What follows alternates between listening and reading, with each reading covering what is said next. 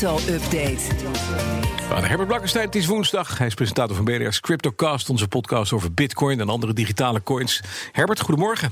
Nog was. Ja, of goed. Nou ja, als we kijken naar eh, alle eh, markten voor digitale valuta, het gaat niet best. Bitcoin krijgt klappen, net als de aandelenmarkt. Klopt. 1000 dollar eraf dit weekend.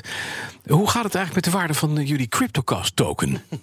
Ja, de CryptoCast. Ja. Ehm, wie het niet weet, ehm, die coin hebben we cadeau gedaan aan onze luisteraars toen we de honderdste CryptoCast hadden. Mhm. Het is een soort virtuele herdenkingspenning. En die is nergens goed voor, dus die zou verder helemaal niks waard moeten zijn. Je kunt er naar kijken, dat is alles. Maar verschillende ontvangers die hebben ons nu gemeld dat ze hem hebben verkocht. Voor duizenden lumen. En lumen is een coin, daar zijn er eind vorig jaar ook een hoop van weggegeven. Eh, maar die bestaat wel, die heeft een serieuze waarde, top 20 coin. En als je dan omrekent, er worden prijzen gemeld voor onze CryptoCast to- token tot 9000 lumen. Dat zou neerkomen op zo'n 450 euro. Wat?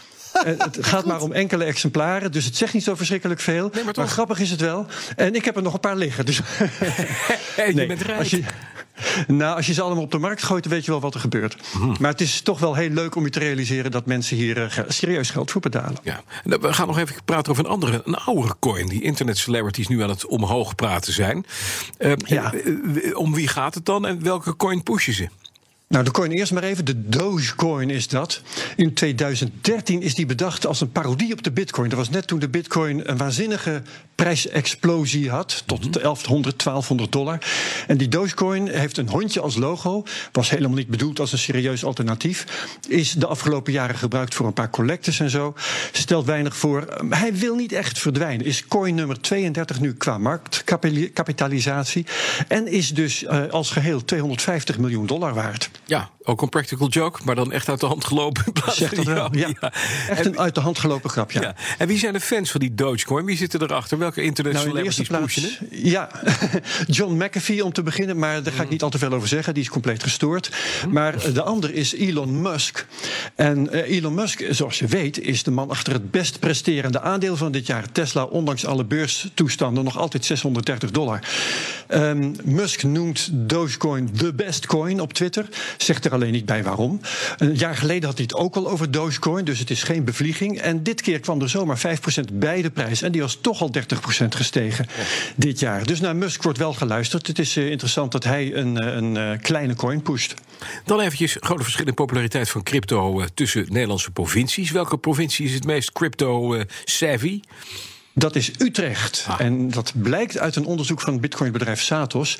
In Utrecht zijn eh, dit jaar tot nu toe 32% meer bestellingen van crypto gedaan bij Satos.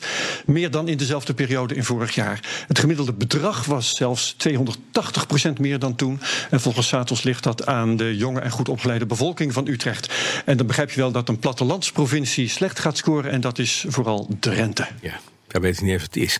Tsjechië doet het ook leuk. Tenminste, daar kun je met, met eh, crypto schaapjes voeren op afstand. Ja, als je er niet bij in slaap valt tenminste. Het gaat om een Tsjechische ingenieur. Die heeft een livestream van zijn schapenstal op YouTube gezet en op Twitch. En op die video zie je de schapen. Maar ook onder in beeld een hele rij QR-codes. En die kun je gebruiken door in zes verschillende cryptovaluta... bitcoin, Ripple, ik weet niet wat allemaal, Litecoin... kun je een halve euro betalen. En dan komt er uit zo'n doseerapparaat een hap schapenvoer. En dan kun je kijken hoe de schaapjes jouw tractatie opeten. mooi. Dat is gisteren twintig keer gedaan. Dus dat heeft die goede man een tientje opgeleverd. Is gewoon een leuke en originele en werkende toepassing van crypto. Ja, precies. Heeft hij alleen duizenden euro's geïnvesteerd in het, eh, in het hebben van een livestream. Maar oké, zoek Ja, nog wat maar dat vindt hij leuk. Ja. Wat hebben we in de CryptoCast morgen? Tuur de Meester, eh, dat is een Belgische bitcoin-autoriteit. Hij woont in Texas. En we gaan hem eh, nou eens echt vragen hoe het zit met die rol van bitcoin als het zogenaamde nieuwe goud. Want eh, daar, dat schiet niet erg op de laatste tijd. Ehm, benieuwd wat hij daarover gaat zeggen. Maar door het tijdsverschil met Texas kun je dat pas morgenavond in de CryptoCast horen voor het antwoord.